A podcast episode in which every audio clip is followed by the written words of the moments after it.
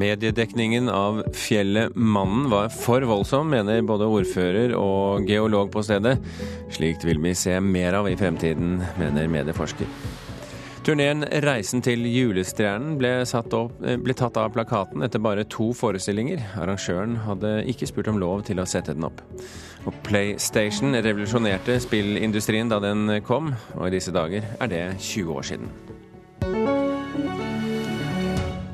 Og så skal vi høre om det var en særlig god idé av de danske filmskaperne å forsøke seg på westernsjangeren. Du hører på Kulturnytt med Birger Kolsrud Jåsund i studio. Da nyheten om at deler av fjellet Mannen kunne rase ut, mobiliserte et fullt pressekorps på kort tid, og det ble rapportert time etter time, dag etter dag altfor voldsom dekning, mener sjefgeolog Lars Harald Blikra i ettertid. Han mener han prøvde å formidle at raset kanskje ikke kom til å skje, men at forbeholdene druknet i dramatikken. Da gir jeg ordet til geologen Lars Blikra, vær så god. Takk skal du ha. Rimelig sannsynlig at vi kan få et skred eh, i løpet av dagen. Det er tirsdag 28. oktober, og geolog, ordfører og lensmann har tatt plass foran et titalls mikrofoner på pressekonferanse om mannens bevegelser. Men fjellet rasa aldri, og i går fikk de evakuerte flytte hjem igjen. Mannen står nå støtt til over vinteren. Sjefgeolog Lars Harald Blikra mener han prøvde å kommunisere en usikkerhet som mediene valgte å overse. Prøvde å formidle så godt vi, vi kunne. og på en måte formidla den usikkerheten òg. At, eh, at, situasjonen jo var en Det var jo en avklart situasjon. så Det var jo ikke noen dramatikk. Og dramatikken var jo på en måte kanskje litt sånn Den var nok litt medieskapt. Eh, så jeg tror nok det er noe heller det der med den spenningen med at eh, å kunne se et sted og det å kunne følge med det, som, som gjorde at du fikk en sånn voldsom Nesten som en sånn massesuggesjon når det gjelder fra mediefronten. Vi har jo hatt god kontroll på den måten at vi har hatt geologen sine råd hele veien. Så vi har nok vært kanskje litt roligere enn dere, men nå ser det ut som det drar seg til litt.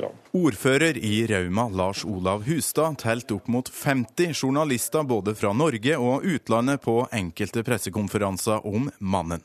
Også han mener situasjonen var langt mindre dramatisk enn det mediene ga inntrykk av. Med litt erfaring fra bransjen sjøl, så vet jeg at uh, hvis de store begynner å røre på oss i den bransjen og finne ut at noe av det skal dekkes, så kommer jo egentlig alle etter. Med all respekt så er det uh, på mange måter en sau saueflokk.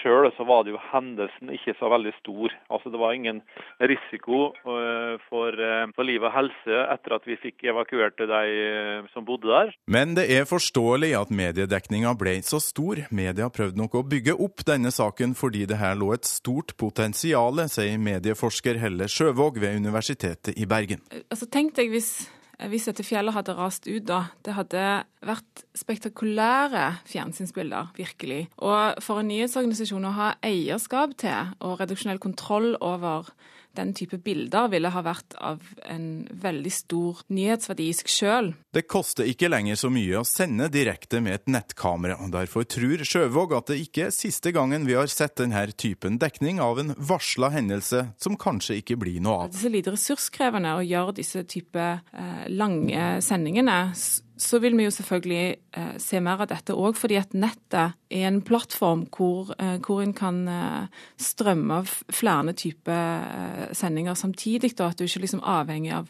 å rydde plass på en hovedkanal for å, eh, for å få plass til innholdet. ikke sant? Men det trenger ikke være så veldig lenge til, sånn som vi ser det. Og når fjellet Mannen begynner å røre på seg igjen, har geolog Lars Harald Blikra nå lært at ras som kanskje skal skje, er godt stoff for mediene. Det er vanskelig å si om du får det samme oppmerksomheten, men vi har jo lært ganske mye da. Gjennom den hendelsen så er vi villige og nå mye mer forberedt.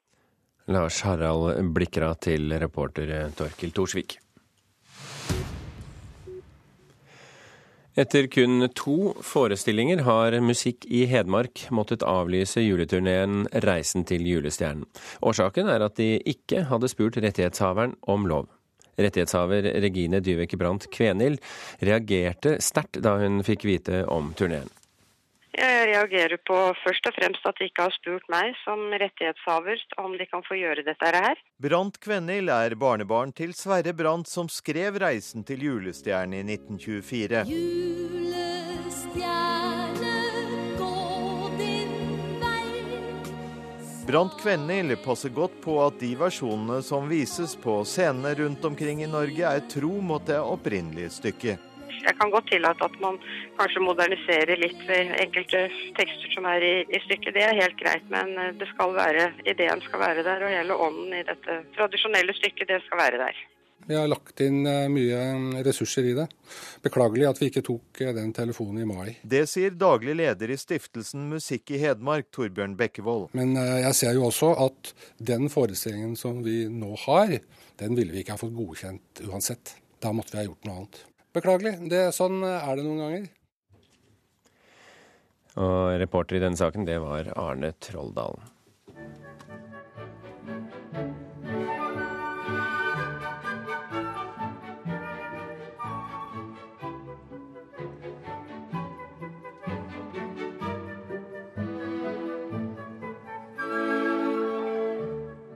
Hvert år over hele verden danses eventyrballetten Nøtteknekkeren i førjulstiden. Også ved Operaen i Oslo er Nøtteknekkeren en innarbeidet tradisjon. I år så setter Operaen opp akkurat denne utgaven av forestillingen for 20. gang, og premieren var i går. Og der var du, Karen Frøsland Nystøl, eh, kunst, eh, scenekunstkritiker her i NRK. Først av alt, eh, hvor mange ganger har du sett denne forestillingen? Dette var tredje gangen jeg så Nøtteknekkeren. Så du kjenner den fra før også? Mm. Hvorfor settes den opp hver, hver førjulstid? Det er, det er, lett at sånne store, flotte produksjoner blir en førjulstradisjon. Og eh, forestillinger som handler om jul, sånn som 'Reisen til julestjernen', sånn som 'Nøtteknekkeren', det, det er det veldig kjekt å se i adventstida, for det er så mye forventning knytta til hele desember, og, og her, her, vises vi et stort og flott eventyr, så det, jeg skjønner at folk har lyst til å se den igjen. Eh, men den handler om jul, men hva handler den om? Ja, hva handler den om? Det er et godt spørsmål, fordi eh, altså, den handler om en julaften. Ei lita jente som heter Klara, som er så spent på hva, hva for å få se juletreet og gleder seg til gave og juleselskap. Så har hun en onkel som er dukkemaker lekemaker, leikemaker, skråstrek trollmann, og han kommer etter hvert på julaften. Han har laga ei spesiell nøtteknekkerdukke til Klara. Um, og julaften går sin gang med selskap og greier, og Klara sovner på kvelden. Og da drømmer hun om alt som har skjedd på julaften. Hun drømmer om musa som kom og pilte gjennom bordet midt i juleselskapet, og så blir alle leikene levende, og musa blir levende. Hun blir tatt inn i et landskap der den eh, sukkerfedukka hun fikk, blitt tatt fra henne av musekongen, og hun må ut for å finne den ved hjelp av nøtteknekkeren.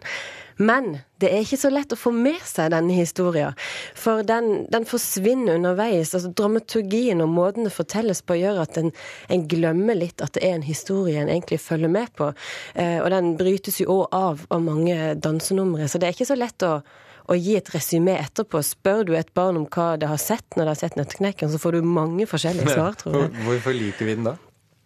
Det er, det er, en storslagen produksjon med barn på scenen, kjent og fantastisk musikk, kostyme som du bare ser i teatret den ene gangen i året, og, og dansere som gjør en fantastisk jobb. Så det er en, det er en helt komplett pakke som er veldig fin. Så derfor ser vi den igjen og igjen, selv om den hadde hatt godt av en eh, dramaturgisk bli ny-operasjon. Det er det ingen tvil om. Ja, for dette er jo altså da dramaturgien til Dinna Bjørn eh, satt opp for eh, 20. gang. Ja, men det er jo basert på et gammelt eventyr fra starten av 1800-tallet, skrevet av Ernst Hoffmann. Ja, Forestillingen har vært satt opp eh, flere ganger enn 20. Ja da, ja da. Men akkurat denne versjonen er Dinna Bjørn sin, og den er jo bare 20 år gammel. Allikevel så oppleves den litt gammel, syns jeg. Men det er jo noe med at dette er et gammeldags eventyr, og da skal man kanskje være tro mot det. Men det er klart at eh, hvis man skal se på kjønnsrollene, f.eks., at, eh, at guttungen får en tinnsoldat i gave, og at, eh, at jenta får en eh, sukkerfedukke, og at, at eh, herrene byr opp til hammeren, og det er veldig sånn Sånn skal det være for herre, og sånn skal det være for kvinne. Og sånn skal barn oppføre seg. Det var jo sånn det var i gamle dager, på ja, Tsjajkovskijs tid. Det, det, var det, men trenger det å være sånn nå, lurer jeg på. Mm. Eh, så er det jo òg det Det sies jo at Tsjajkovskij ikke var så veldig klar for å skrive musikken egentlig til denne fortellinga, for han syntes at det var så handlingsmetta i første del, og så veldig lite handling i andre del. Og det, det har jo holdt seg. Sånn er det. Tsjajkovskij valgte å skrive musikken likevel fordi han eh, var vel under en togreise, han hadde mista noen i nær familie og satt og mimra om julen, og så plutselig kjente han at nå, dette kan jeg skrive likevel. Så, så det er jo veldig julete. og og tradisjonsbundet. Man, man, lengter etter en tradisjon, man holder fast i noe som var. Men for mange barn er jo dette det første møtet med operaen, første møte med ballett. når mm. de går og ser det. Er, er det et bra møte for barn? Ja, altså Det er jo et fantastisk møte med musikken og fargene og den storslagne operascenen. Og I tillegg så må det være enormt inspirerende å se at barn har en så stor plass i forestillinga, både i koret og i eh, disse små snøfnugene som danser rundt, og, og godterifigurene som kommer fram. Det er klart det, det, er inspirerende, og det er flott å se på. Jeg er glad for at ballettsjefen velger å bruke barn i så stor grad, og å spille med tanke på det ene barnet der ute som kanskje skal ha sin aller første opplevelse. Og så får vi se da om det blir en ny variant til neste år. Karen Frøsland Nystøyl, tusen hjertelig takk for at du kom til oss.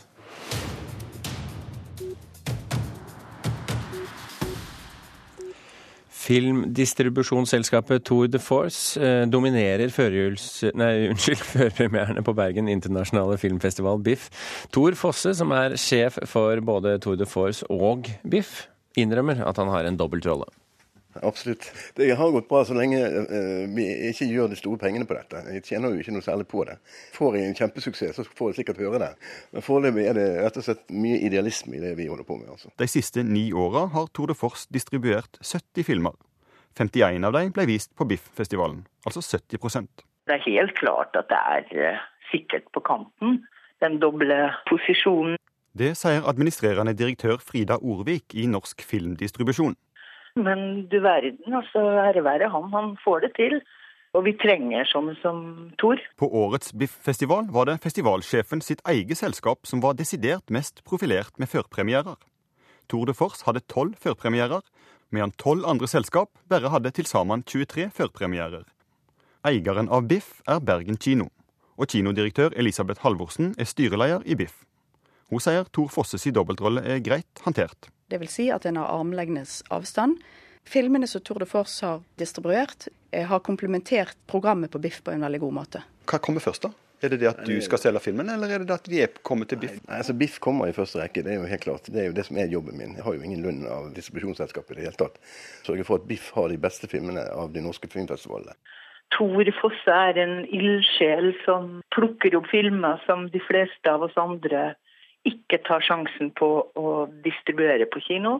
Men den dagen Thor skulle begynne å ta inn filmer som var bredere, eller som han snapper foran noen andre, så ville det jo blitt eh, rabalder. Reporter her, det var Leif Rune Løland. Klokken er eh, passert 16 minutter over åtte. Du hører på Kulturnytt, og dette er toppsakene i Dagsnytt nå. Den lange ventetiden ved barnehusene fører til at mange medisinske bevis på overgrep mot barn går tapt. Det sier barneombud Anne Lindboe. Arbeiderpartiet får en oppslutning på 42,8% på NRKs partibarometer for desember. Partiet mangler på den målingen bare fem mandater på å ha flertall alene i Stortinget. Og sju av ti svensker mener det var riktig av statsminister Stefan Löfven å utlyse nyvalg i Sverige, ifølge en meningsmåling for Ekspressen.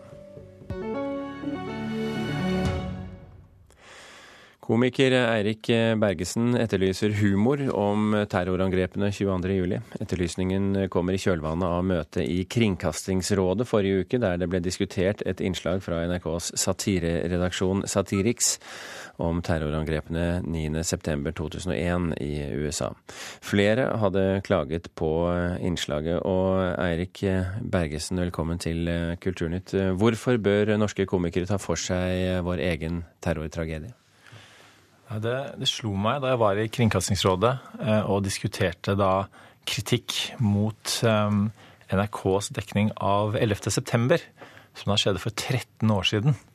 Um, at um, hvis vi er sensitive i forhold til det, så uh, er det all grunn til å se på 22. juli, som er vår nasjonale tragedie. Det er nå tre uh, år siden det skjedde. Um, og det er et veldig vanskelig felt, selvfølgelig. Men Jens Stoltenberg snakket om mer åpenhet, mer demokrati, og det er den åpenhetsdelen jeg håper og tror at humor kan ha en rolle i å ta oss videre. Vi dette var en tragedie som gikk veldig inn på oss eh, og oss alle som nasjon. Vi har kanskje vært litt for opptatt av å eh, bevare det som var før 22. juli, og komme oss videre. Vise for oss selv og andre eh, at vi takler dette her. Men nå tror jeg kanskje det er på tide å se tilbake på, på de traumene vi erfarte, og prøve å bearbeide det, bl.a. med humor. Leder av støttegruppen for de etterlatte, Trond Blattmann, sier til mediemagasinet Kampanje at mange nok ikke er eh, klar for humor på dette området. Bør det tas hensyn til? Eh, det han også sa, var jo at eh, myndighetenes respons på det som skjedde, kan man godt spøke med. Og det er mitt fokus. Klart at de som opplevde dette her, deres pårørende, skal selvfølgelig beskyttes. Men på samme måte som i USA, så var det ikke hvor det ikke var terroren som sådan, men det var responsen på terroren eh, som skapte problemet. Det var de krigene som ble startet. Eh, de tok eh, øynene bort fra, fra ballen, som var, Wall Street, som handlet med råtne lån. Eh, og ikke minst det skapte et fryktsamfunn. Og jeg er redd for at vi er i ferd med å gå litt eh, inn i en samme fella. Nå skal politiet bevæpnes for første gang eh, siden andre verdenskrig. Da var det tyske politifolk som gikk med våpen jeg er litt redd for at, eh, for at, vi er med å skape et fryktsamfunn. Og der tror jeg både om det er satire eller annen type kunst, eh, kan være med å spille en rolle. Psykolog Anders Gravir Imenes, eh, hvorfor tror du det ikke har vært laget humor av hendelsene 22.07? Vi i Norge er jo et veldig, veldig stillfarent folkeslag. Vi er veldig, veldig korrekte, og vi ønsker ikke uh, å tråkke over noen grenser dette er også vist i, vist i forskning, at vi, vi, i Norge er mye mer opptatt av sosiale normer enn, enn folk i veldig mange andre land. Um, så jeg tror nok det er særlig det som er, kan være årsaken. Er det noe spesielt uh, du tror uh, nordmenn eventuelt kan være klar for rundt omkring i landet? Ja, altså i, i terapisituasjonen så har jeg jo opplevd at, at um, pasienter med selv de verste traumer spøker om det. og, og har et humoristisk forhold til, sin egen, til sine egne opplevelser og sin egen fortid. Så også med de som har vært på Utøya. Um, men, men, er det ikke en forskjell på å, å, ha egen humor på det og bli spøkt med? Definitivt. Uh, og det har jeg tenkt å si at det, når denne humoren kan løftes inn i det offentlige rom, um, er jeg litt usikker på. Men som Bergesen sier, tror jeg han har helt rett i at, at myndighetenes respons ikke er farlig å spøke med. Har du noen tips til eh, hva slags hensyn komikere eventuelt bør ta? Jeg tror som både Blattmann og Bergesen sier her, at det er veldig viktig å skåne, skåne de som er involvert, eh, de som er berørte av, terrorangrepet. Um, men samtidig så er det jo nettopp viktig å, å, sette fokus på myndighetene. For myndighetene er jo ikke noe offer i denne situasjonen. Kjennes dette ut som et slags uh, grønt flagg, Bergesen? Det er med å utvide mandatet, håper jeg. Eh, det er klart at Vi vil jo ikke, vil jo ikke støte noen, men samtidig så er vi, vi har jo skapt et samfunn hvor måte, vi er veldig redde for å støte. da, eh, og Ikke minst ofte på vegne av andre. Eh, det er klart at de Ofrene her det er de som eier denne tragedien. Men så er det mange andre som er veldig engstelige på deres vegne.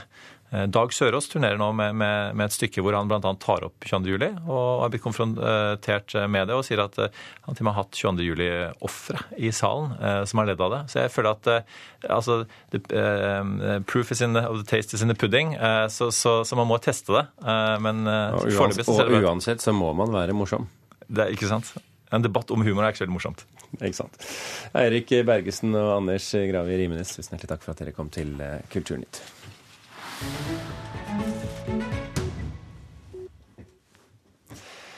Hva kan danske filmskapere om westernfilm, kan man kanskje spørre seg når den nye danske filmen The Salvation nå har premiere i Norge. Ganske mye, viser det seg, i hvert fall ifølge vår filmanmelder Einar Gullvåg Staalesen. Eh, det har gått bedre enn eh, han ventet. I hvert fall hvis man er blant dem som liker underholdningsvold.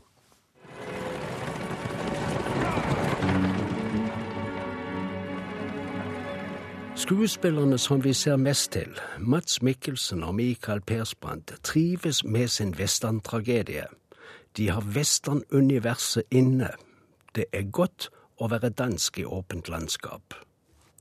Regissøren er dansk, Christian Levring. Gudfaren er dansk film, Peter Aalbæk Jensen er en av produsentene.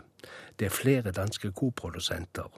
Forfatterne er danske, komponisten er dansk, redigereren er dansk, produksjonsdesigneren er dansk. Store deler av produksjonsstaben for øvrig er sørafrikansk.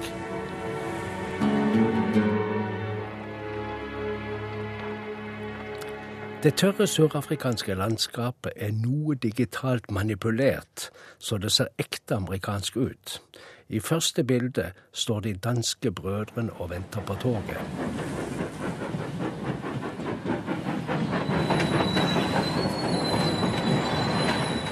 Filmen begynner med en utvandrerhistorie, og den fortsetter som en blanding av bosettingshistorie og western. Brødrene Jon og Peter reiste over for 20 år siden. Jon har ventet utålmodig på at vilkårene i deres bit av Amerika skulle bli såpass at Marie og deres felles sønn kunne komme etter. Nå kommer de. Gretchen, det er din far. God dag. Det viser seg at vilkårene ikke er i orden. Den lille familien får feil selskap i diligensen.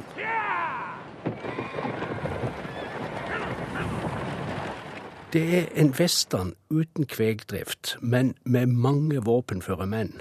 Det er rart det er så mange av dem siden tapene er så store. De må jo ha skutt på hverandre før filmen begynte. Dette samfunnet drives fremover av hevnaksjoner.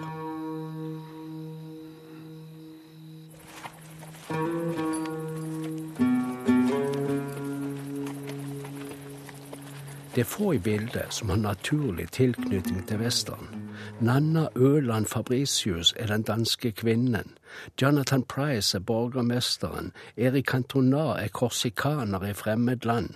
Franske Eva Gren er prinsesse i gangsterfamilien. Skotten Douglas Hanshall er med. De er veldig med alle sammen. De dyrker sjangeren uten å ta for hardt i. Det er som det var og som det skal være hvis man vil berøre seerne. De vil stort sett være gamle og unge underholdningsvoldsromantikere. Bildene er lekkert komponert. De er gjennomarbeidet i vinkler og utsnitt og lyssetting. Kulissene preger oss mens vi opplever. De er ganske svidde.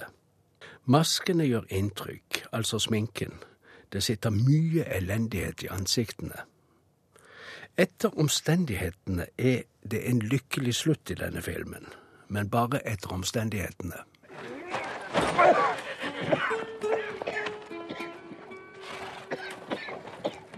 Einar Gullvåg Staalesen er vår anmelder, og han kommenterer også andre filmer i filmprogrammet Mørkets opplevelser, som du kan høre på P2. Eller du kan selvfølgelig gå inn på radio.nrk.no og lete frem eh, Mørkets opplevelser der. Og Kulturnytt også, for den saks skyld. Det har gått 20 år siden den aller første PlayStation så dagens lys i Japan. Siden da er det solgt over 429 millioner spillkonsoller verden over. Og mange har brukt utallige timer på spill som Tekken, Gran Turismo og Final Fantasy. Blant dem redaktør i Computerworld, Aslak Borgersrud.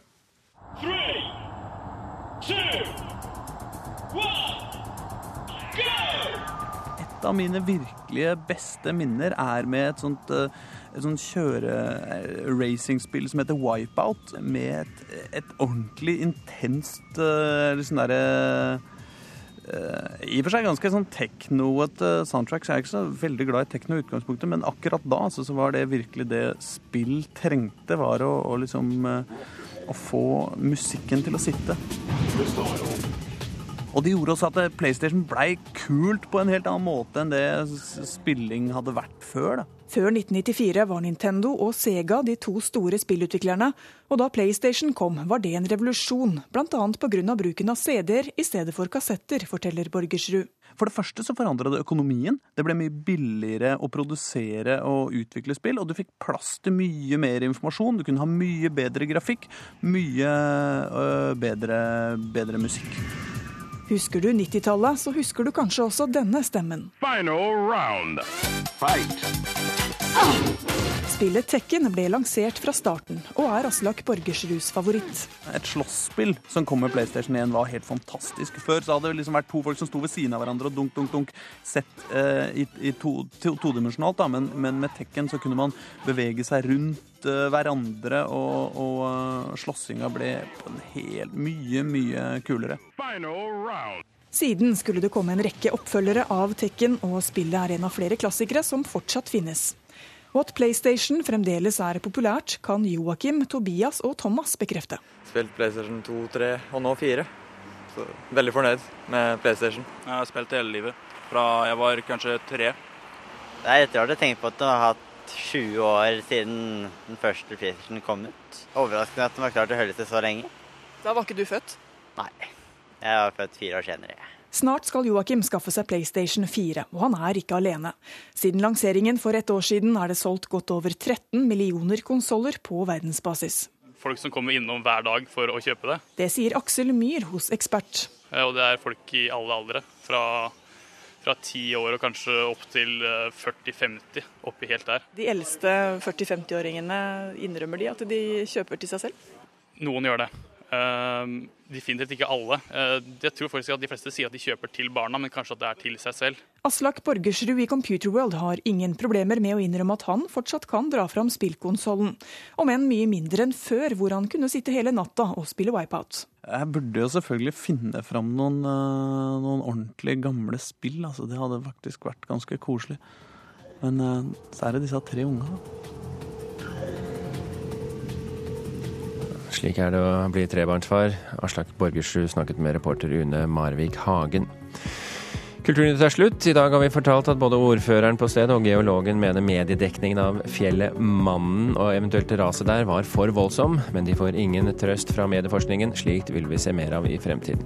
Lars Tronsmoen, Thomas Halvarstein Ove og Birger Kålsrud Aasund takker for følget.